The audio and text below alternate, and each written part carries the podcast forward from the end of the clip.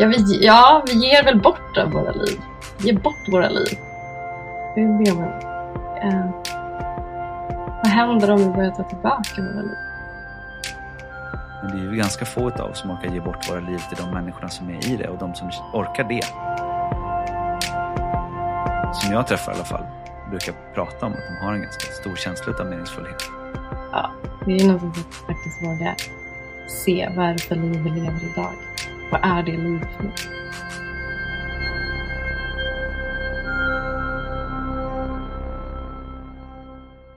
Varför ser du så glad ut?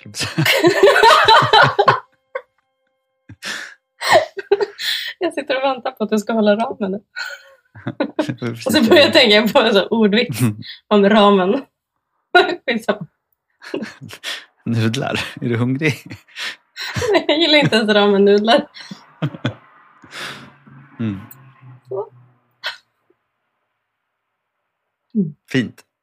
Jag, um, en levande framtid har vi ju pratat om i olika, på olika sätt under vadå, ett och ett halvt år kanske?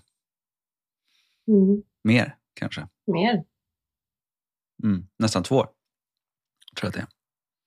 Men eh, vi har nog inte kallat en levande framtid mer än eh, någon månad eller så. Så det här är liksom lite av ett eh, experiment. Och dagens experiment får, eh, har fått titeln, har vi bestämt själva, eh, att skapa framtid. Det är väl typ det vi vet just nu om experimentet. Mm. Mm. Jag sitter och dricker en kaffe för att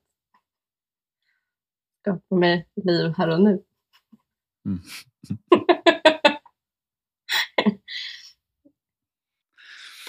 vi sa ju att vi skulle förbereda något. Det har du inte gjort. Men det har jag gjort. Ska jag börja försöka prata in i det som jag har förberett? Får se hur det blir. Um, det låter fantastiskt. Se vad som händer. Mm. Kör. Mm. Mm. Ja. Så jag satt framför en brasa i fredags och eh, funderade på vad det innebär att skapa framtid. Och så märkte jag i mig själv att eh, det ser väldigt annorlunda ut hur jag tror att det är att skapa framtid nu. Eh, jämfört med hur jag trodde att det var att skapa framtid förut.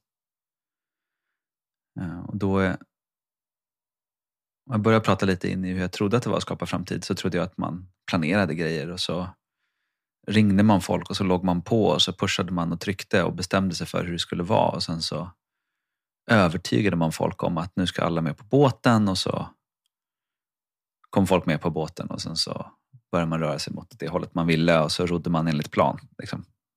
Rätt antal årtag vid rätt tillfälle på rätt ställe um, på rätt sätt. Mycket rätt. Och planen handlade mer om att eh, utföra någonting som man visste från början att det var. Och sen så har jag under mina, de sista tio åren i alla fall, när jag har drivit företag så har jag märkt att det är väldigt sällan så det blir.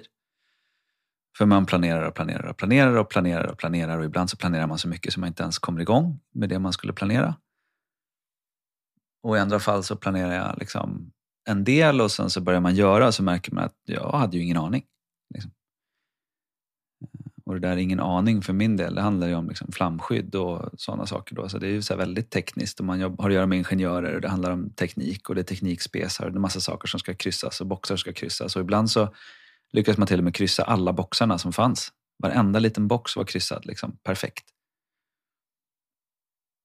Så blev det ändå inte som det skulle. Det var ändå inte så att folk köpte eller gjorde det man hade kommit överens om. eller så. Det fanns någon liksom insikt där någonstans om att det där är ju... Det verkar ju inte vara så man skapar framtid i alla fall. I alla fall inte i min erfarenhet.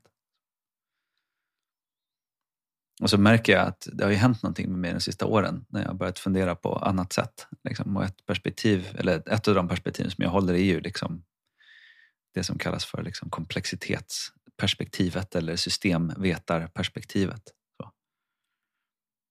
Och jag har precis börjat läsa Jeremy Lents bok, eh, senaste bok, som är som jag inte kommer ihåg vad den heter just nu bara för det. Den försvann. Men den är helt fantastisk i termer av att förklara de här sakerna på ett begripligt sätt. Så. Men det som på ett eller annat sätt för mig blir, blir förutsättningen för att skapa framtid, det är att börja nu. Som om allt som jag ville var möjligt och som om allt som jag hade till mitt förfogande var tillräckligt. Och att det liksom inte är mer än så. Att, att allt, alla meningar som börjar med det vore bra om och tänk om och sen skulle jag kunna eller det skulle kunna vara så här och sånt. De står i vägen för att skapa en ny framtid. De är inte en del av att skapa en ny framtid. Och det är ju väldigt annorlunda från den här planerande Amit som fanns förut. Som fortfarande finns ibland, som trillar in. Liksom. Och ibland behöver man planera eller så behöver man sätta upp en plan för att det ska se ut som att man har gjort någonting för att man agerar med en organisation som kräver det.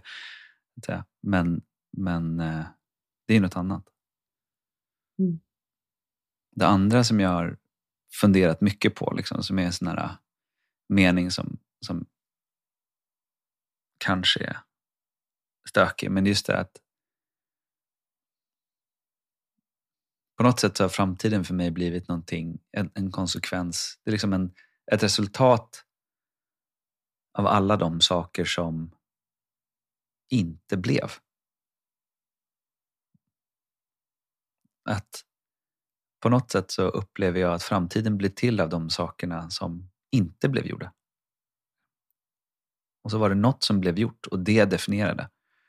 Jag sa, jag gjorde inte, jag skrev inte det där blogginlägget, jag spelade inte in den podden, jag ringde inte de där samtalen, jag gjorde inte det, inte det, inte det. Men jag svarade på det där mejlet eller jag gjorde något annat och det på något sätt blev framtiden. Jag, och det är oftast de där interna som på något sätt har haft mer att säga till om, men det är i alla fall fler. Så. Och att det handlar om någon sorts potential, men att potentialen är bara potential tills man börjar förflytta sig mot den på något sätt. Och sen det sista som jag tänkte säga var det här med att allt som är möjligt är ett resultat av det som sker precis just nu. Som är spegeln utav den där inte, interna. Men det är också den där potentialen. Allt är ju möjligt förutom det som inte är möjligt. Och sen så kommer man, börjar man vandra. Men det är ju rörelsen som framtiden skapas, tänker jag, inte i tanken liksom, eller i, i potentialen. Potentialen är inte heller intressant egentligen för mig. Eller den är delvis potential. Den, den är skön att hämta energi ur kanske och drömma sig in i ibland. Och ibland gömma sig i. Så. Men eh, på något sätt så är det rörelsen som jag längtar efter. Rörelsen mot en levande framtid till exempel. Mm. Så så att jag funderade. Mm. Vad väcker det i dig? Alltså det jag hör dig säga är ju att alltså framtiden är en konsekvens av alla våra handlingar och icke-handlingar.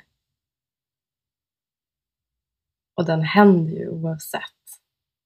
Framtiden händer ju oavsett vad jag gör idag.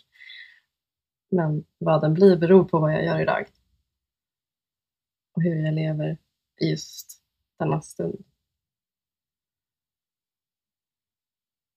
Och ehm, det som väcker mig i är också eh, i och med att vi startade initiativet, eh, partiet Initiativet, för fem år sedan så har det varit väldigt mycket från början var det liksom, men, vi behöver en vision. En vision. Vi, behöver, vi sa, politiken saknar visioner. Eh, om man kollar historiskt, så här, vad var det som drev det förra stora samhällsskiftet? Jordbrukssamhälle in i industrisamhälle, ja, men då hade du stora... Det hade liksom drömmen om ett bättre liv för så många. Så hur gör man idag när det ändå är så många som har ett bra liv? Och nu pratar jag om västvärlden. eh, och just där det behöver vi visionerna i frågan för att kunna utvecklas som samhälle. Så det har brottats med i flera år. Och, och även på andra håll inom innovation och sådär så är det just bristen på fantasi tas ofta upp. Och, och vi har en imaginary crisis, tror jag att det är en bekant som brukar säga. Um, men det som jag...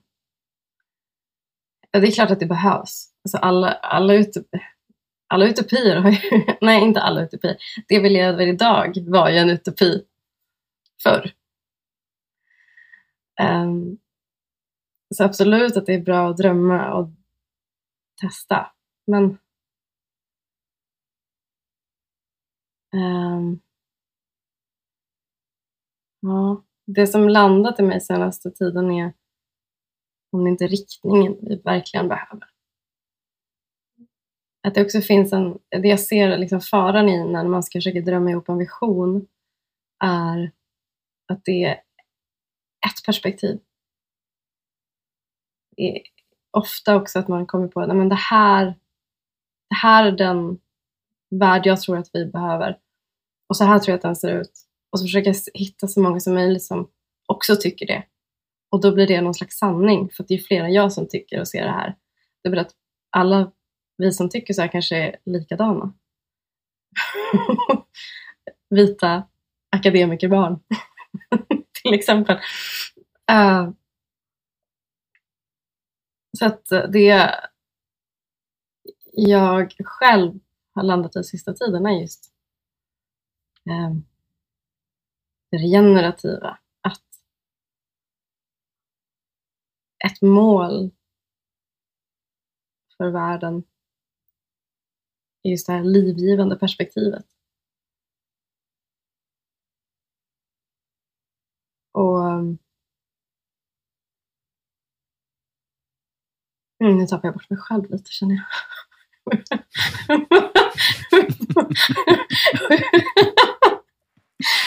Men och den kan ju se ut på hur många sätt som helst, den framtiden. Mm. Men det gemensamma är just att det ger mer liv än det tar.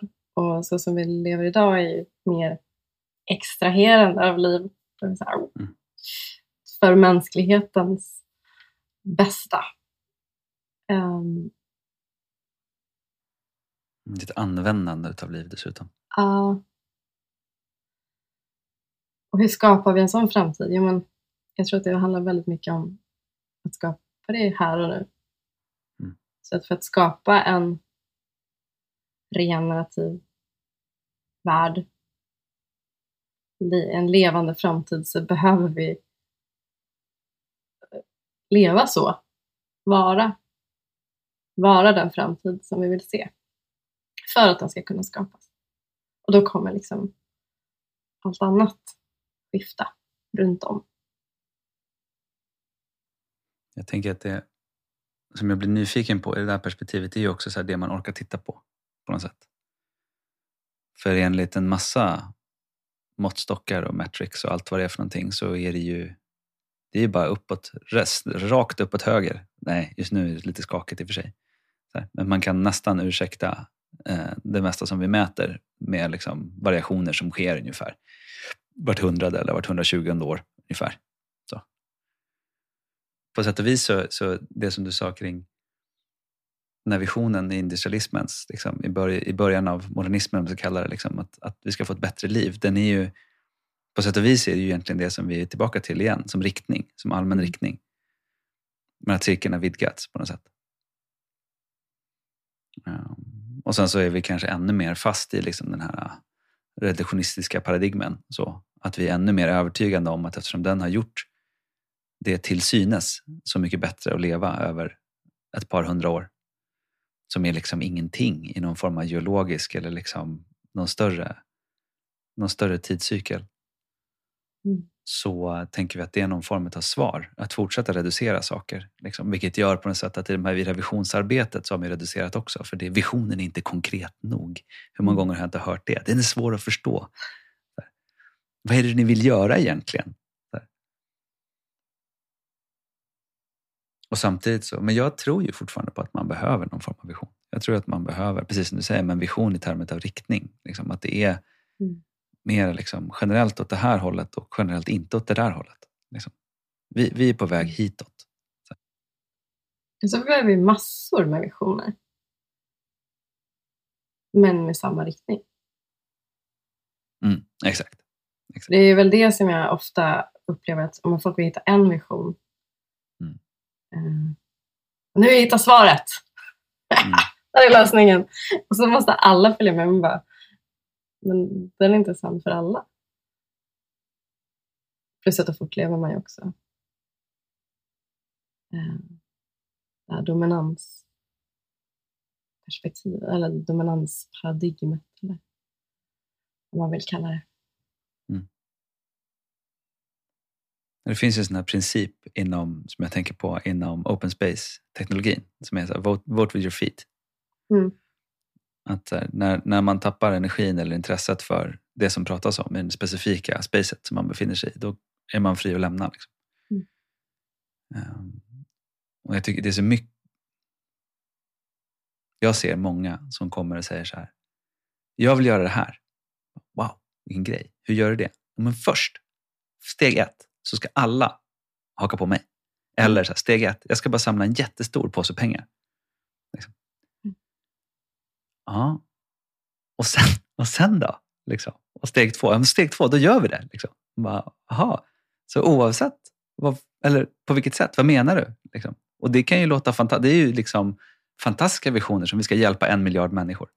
Wow, vilken grej! Liksom. Hjälpa en miljard människor. Det är helt ofattbart. Det är magiskt. Liksom. Och sen är jag så här, vad fan, men om de där en miljard människorna inte vill bli hjälpta då? Vad händer då? Säger vem? Vem säger att de behöver hjälp? Har du frågat en miljard människor? Hade du frågat en miljard människor, då hade jag kanske varit med på båten. Liksom. Men annars blir det lurigt. För jag vet ju hur jag är själv i alla fall. Jag vill väldigt sällan få hjälp. Jag gillar att bestämma själv. Och vill du bli hjälpt av någon annan i något annat land som aldrig har varit i ditt land? ja, i och för sig. Hade jag kunnat. Beror på hur. Precis. Ehm, ja. Men du, eh, jag får mig att tänka på en sak. Men först, en levande framtid. Mm. Vad är det för dig?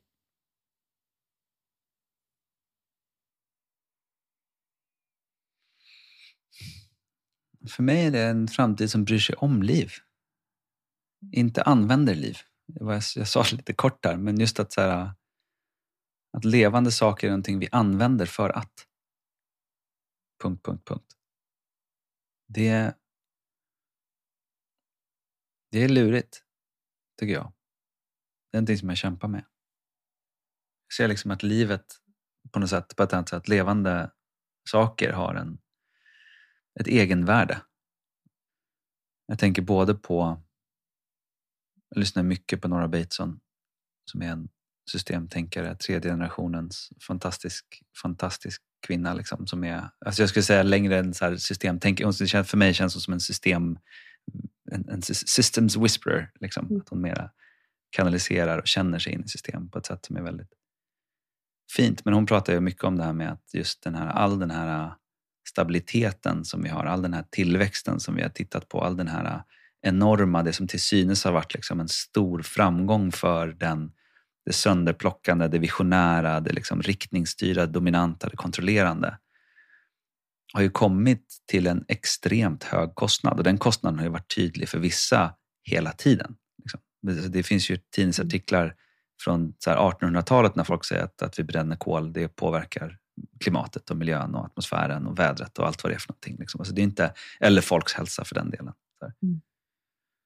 så att all, all den här riktningen, det är mer än, alltså all den här drivet, all den här framgången, tillväxten, progress är på engelska som jag letar efter. Liksom. Det, det har alltid haft ett pris. Någonstans. Och antingen har vi valt att se det eller inte. Liksom. Mm.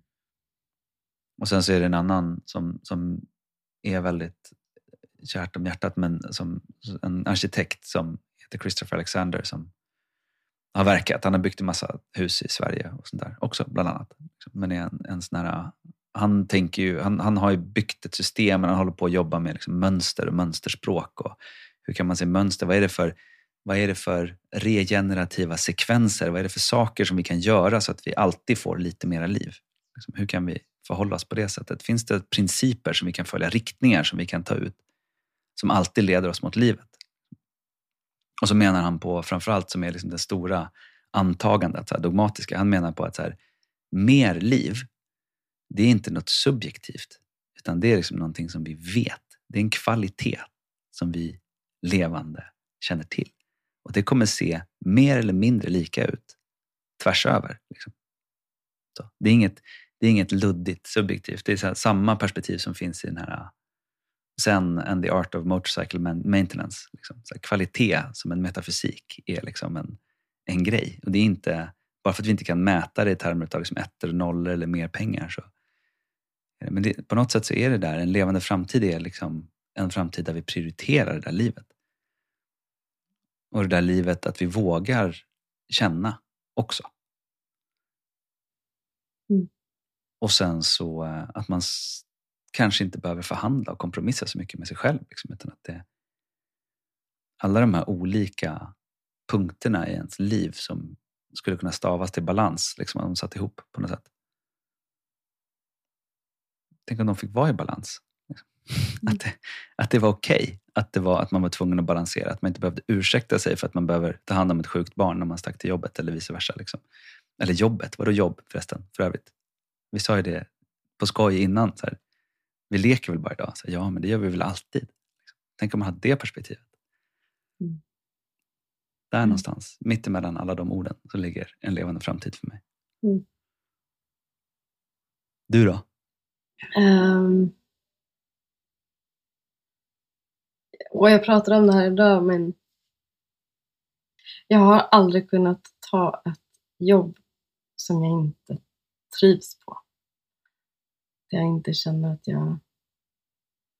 Ja. Det, mm. ja, jag, ja, min story har varit att jag måste ha mening, känna mening på jobb. jobb.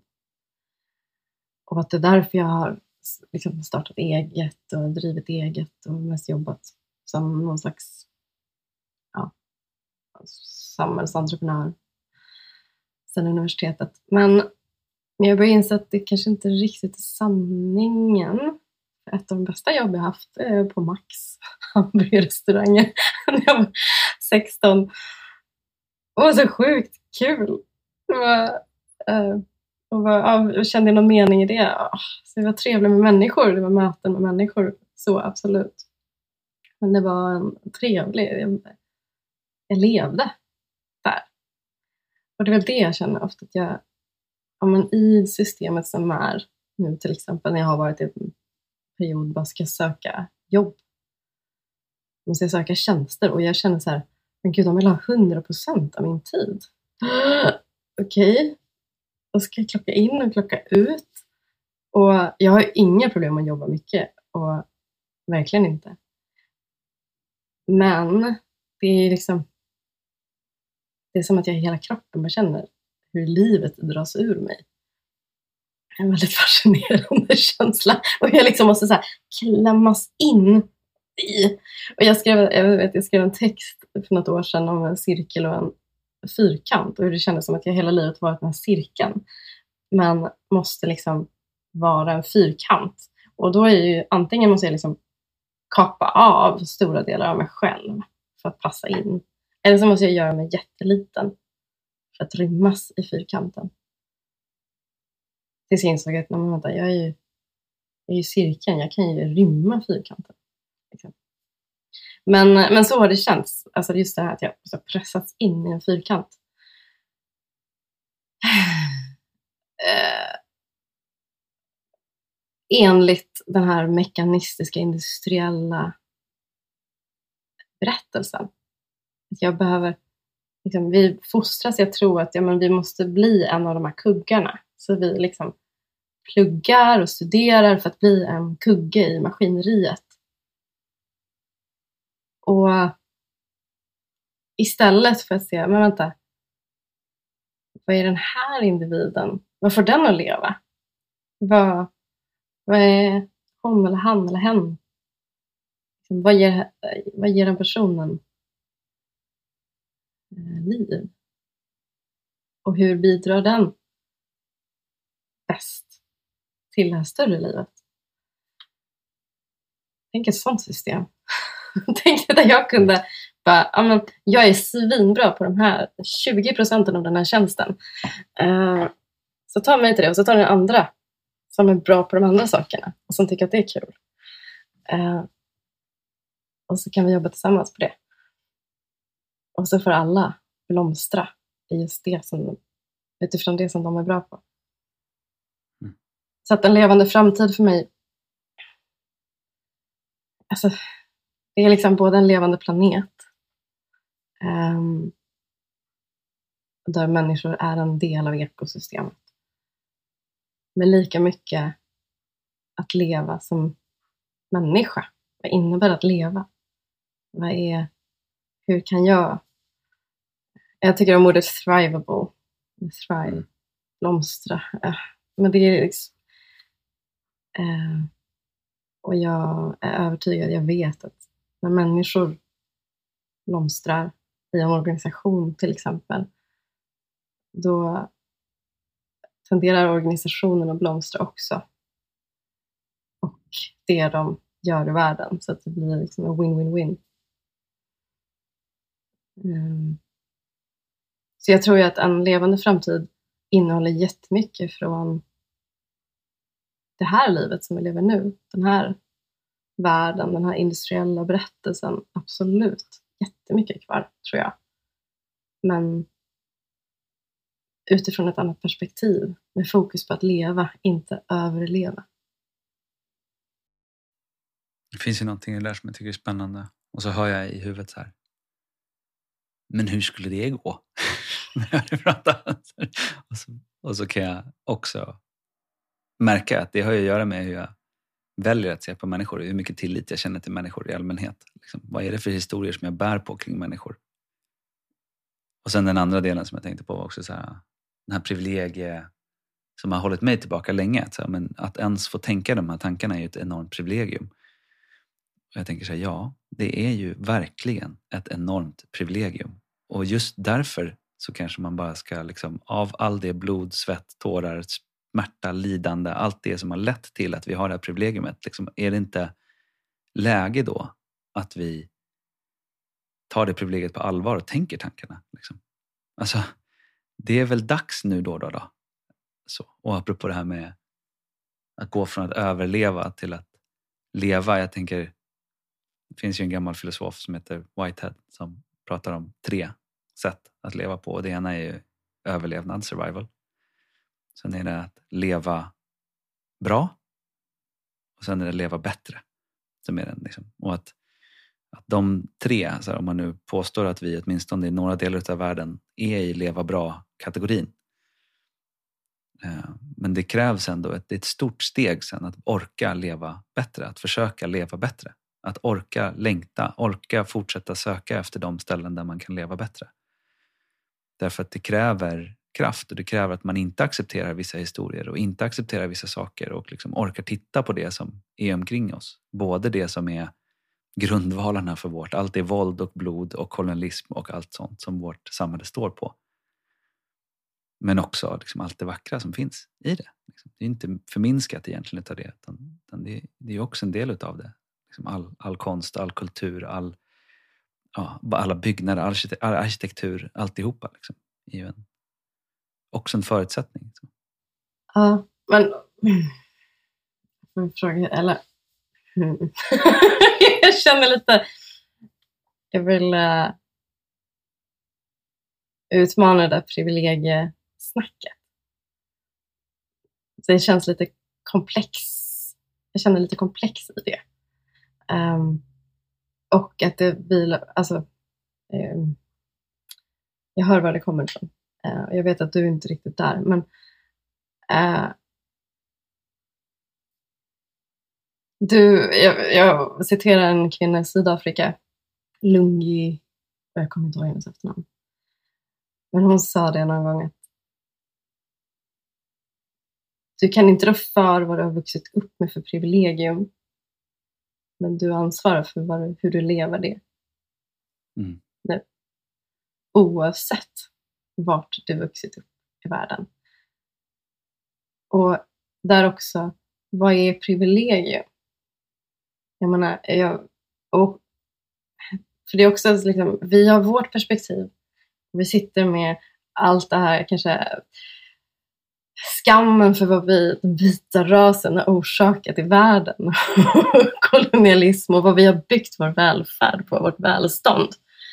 Ja, det har hänt. Det får vi äga. Eh, och som du säger, ja, men, tänka om. Men det betyder inte att jag, menar, jag har aldrig upplevt mer abundance. Alltså, inte ja, överflöd, men inte av pengar. Då. Jag har aldrig upplevt mer abundance än i afrikanska länder. Fattiga afrikanska länder. Alltså, äh, om jag tänker på ett bättre liv om man åker runt bland de allra fattigaste. Jag tänker, här har de ju fattat något som, som vi i Sverige inte har fattat. Mm. Ja.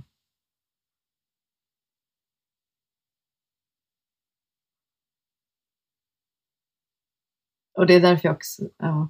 Mm. Det, är, det är därför jag också tycker att det är så otroligt viktigt med olika visioner, olika sanningar, olika berättelser om vad ett bättre liv är. Men det vi kan enas om och behöver enas om är just det generativa, en levande. En levande framtid där ja, där vi sätter liv, där vi orienterar efter vad som ger liv och inte tar. Mm. Och då kan allt det där få, då kan allt som existera.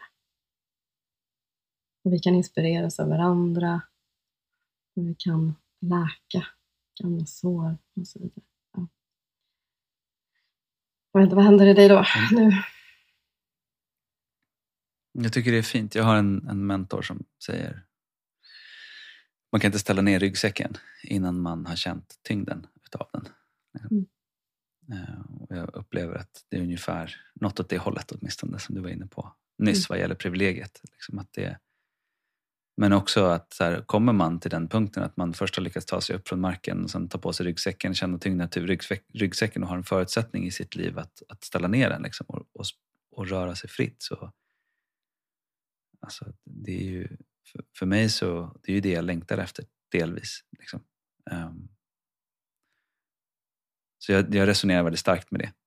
Eh, och jag menar inte att man behöver vara ankrad i sitt vad man har gjort eller inte gjort eller så. Men, men att man måste ta ansvar för det och måste orka titta på det. Liksom. Mm. Ja, Och fortsätta orka titta. Liksom. precis. Och göra det tillsammans och med medkänsla. Liksom, att så här, ha, kolla, kolla den här väskan! Oh, vad mycket skit! Och arv. Och jag har gjort häl, inte ens hälften av det, men mycket har liksom blivit påkastat. Så hur tar jag hand om det här då? Kan vi hjälpas åt? Ja, vissa saker bär man ju faktiskt tillsammans också. Ja. Apropå liksom, nationsstater eller städer eller ja, klasser om man nu gillar den typen av Mm. indelning. Ja, Nu då, när vi har pratat en stund, ja. hur, eh, hur ser det ut med att skapa framtid? Hur, hur skapas framtid, Sanna?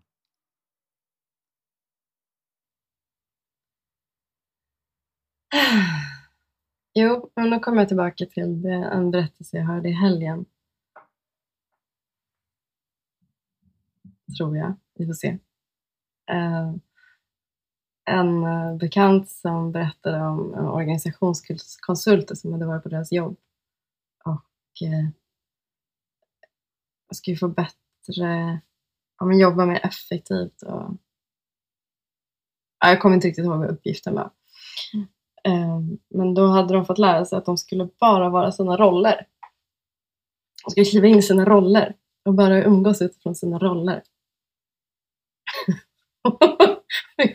Går ju på tvärsen mot vad jag tror att vi behöver göra. Vi, alltså vi, behöver, vi behöver komma ihåg att vi är människor igen. Det tror jag är ja, lektion ett. Jag är människa med allt som händer i en människa. Och jag har en massa bagage och en massa potential oavsett vem jag är, vart jag vuxit upp. Eh, och den, alltså liksom, ja. Jag behöver komma ihåg det i relation till mig själv. Jag behöver komma ihåg det i relation till andra. Jag är nyfiken på den potentialen som de har. Eh, jag behöver inte gå till jobbet och kliva in i en roll. Ibland behöver jag göra det. Ibland kan det vara rätt skönt om man har det sjukt rörigt i livet. Ehm, där är vi såklart olika också. Det måste finnas tillåtelse att vara olika. Men just den här tillåtelsen att vara. Jag kanske behöver dela med mig av att jag går igenom en skilsmässa. Och det gör något fruktansvärt ont. men just idag är jag ett vrak. Att det kan få ta plats en liten stund av arbetsdagen till exempel. Så att jag sen kan vara hållen av andra. Känna stödet hos andra för att kunna sen göra det jobbet som jag vill göra. Till exempel. Mm. Ja. Det är ju så många som liksom lever sina liv men inte reflekterar över det. Alltså inte bara ger och ger och ger. Nej, det blev fel. det är bara... Ja vi, ja, vi ger väl bort våra liv. Vi ger bort våra liv. Mm. Det är det jag menar. Eh, vad händer om vi börjar ta tillbaka våra liv?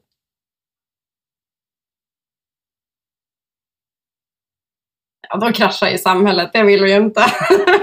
Nej, jag skojar. Alltså, och där vill jag också säga, ja visst, vi mår... Ja, hur bra mår egentligen vårt samhälle? Ärligt talat. Vi Mm. pratar om välmående för välstånd. Alltså på riktigt. Jag är nyfiken på det där med att vi ger bort våra liv. Mm. För det resonerar väldigt, det känns väldigt, väldigt sant i mig. Liksom. Och jag hade sagt till vadå då? Eller så här, "Ja, men det, så är det väl inte? Eller vad menar du? Eller så här, det känns jättekonstigt. Liksom. Men på sätt och vis så är det precis det vi gör. Och vad är det vi ger bort det till? Jo, men till just arbetet eller plikten. Eller liksom. Och många av de sakerna är styrda utav eh, inte andra levande varelser i någon direkt mening. Liksom. Det handlar ju på ett eller annat sätt om en värdekedja som måste Mm. upprätthållas. Ett samhälle som måste upprätthållas. Liksom. Mm. Men det är ju ganska få av oss som orkar ge bort våra liv till de människorna som är i det och de som orkar det. Som jag träffar i alla fall brukar prata om att de har en ganska stor känsla av meningsfullhet. Liksom, eller att det känns värdefullt eller att de är drivna utav någonting. Och det, alltså, de brukar falla i kategorin utav, utav folk som, som är då, vad kan man kalla dem för? Vi kan, ja, men slarvigt så kan man säga så change agents eller change makers eller på något sätt liksom, drivna individer. Ehm, men jag tror att det är lite det som du sätter fingret på som är jättestarkt för mig. Att en levande framtid är ju liksom inte i grund och botten teknokratisk. Och nu använder jag ett stort ord, men så här, och det kan vi säkert prata om vid andra tillfällen vad det innebär. Eller vi kommer nog komma tillbaka till det, för jag tror att det kommer bli ett tema. tema liksom, för att det är det som står emot det på något sätt. Det är andra sidan för mig. Det är systemet, liksom, med stort S, så som det är. Mm. Ehm, Nej men säg det. Teknokratiskt. Ja. Men det betyder på ett sätt precis det. Att det är liksom det icke, alltså det, det är jag menar väldigt, väldigt konkret. Jag menar inte som någon så här stor konspirationsteori. Jag menar liksom som att så här, men om, man, om man jobbar idag så går jag till affären. Jag jobbar för att kunna gå till affären och köpa mat åt mina två barn och min fru och åt mig och kanske bjuda några vänner på mat och sånt. Mm. Liksom. Och jag går till affären för att köpa kläder och jag går till, liksom, och alla de där sakerna är ju liksom en konsekvens av värdekedjan som vi lever i. Men så, så slutar jag jobba idag så har jag inga pengar och då kan jag inte gå till affären och köpa mat. Då kan jag inte liksom fortsätta integrera med systemet och då finns det inte så mycket just här där jag råkar bo. Nu råkar jag bo på Island dessutom då, numera. Um, och då blir livet tufft. Liksom. Så att, men det finns ju någonting kring att vara i tjänst till liksom det levande omkring sig och bry sig om sina kollegor och liksom göra det på ett sätt som, som fokuserar på det som lever i systemet. För det är det som är Frågan är om man tror liksom att systemet i sig självt är det viktigaste. Mm. Eh, och jag tror systemet är jätte, jätteviktigt. Jag ser ju att det, alltså det skulle, jag, vill in, jag är inte en sån person som vill slita ner allt och göra om allt från början. För jag tror inte att vi kommer lyckas. Alltså vi måste liksom hitta vägar för att liksom jobba framåt. Men vi behöver successivt flytta tillbaks människan som centrum för det som vi gör. Mm. Inte liksom algoritmen i sociala medieplattformen eller värdekedjan i liksom fruktdisken eller vad det nu kan vara för någonting. Liksom. Den, den eh, mer eller mindre ekologiskt liksom, slaktade djuren i, i köttdisken. Så här, utan börja komma närmare livet på alla de planen. Liksom, och, och se vart saker och ting kommer ifrån. Nummer ett, det blir som på något sätt en förutsättning men sen när vi tittat fundera lite på om det är så vi vill ha det. Och sen våga förändra successivt. Liksom. Mm. Det var ingen bra förklaring av vad teknokratiskt är. Men, men det pekar åt en riktning i alla fall. Jag kommer få återkomma i frågan. Mm. Mm.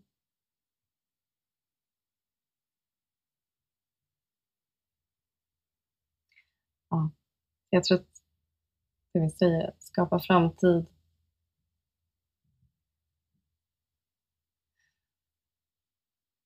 Ja, det är någonstans att faktiskt våga se vad är det för liv vi lever idag. Vad är det liv för mig? Är det, är det bara mitt människoliv? Vad jag vill göra med det här människolivet?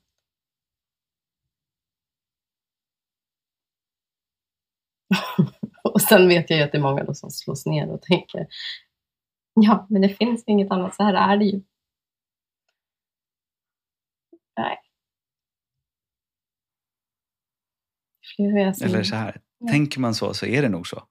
Ja, Men det Mm. behöver kanske inte vara så. nej. Det är väl egentligen det som vi vill bjuda in till. Ja, men precis. Tänk om det inte vore så.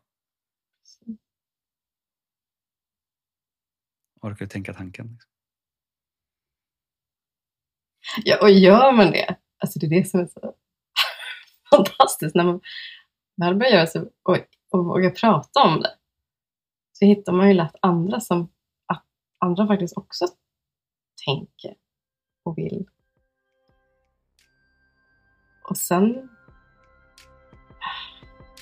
alltså livet kan bli väldigt rikt och njutningsfullt. Och det är ett tema för en annan gång, njutning. Mm, Bra. kanske nästa.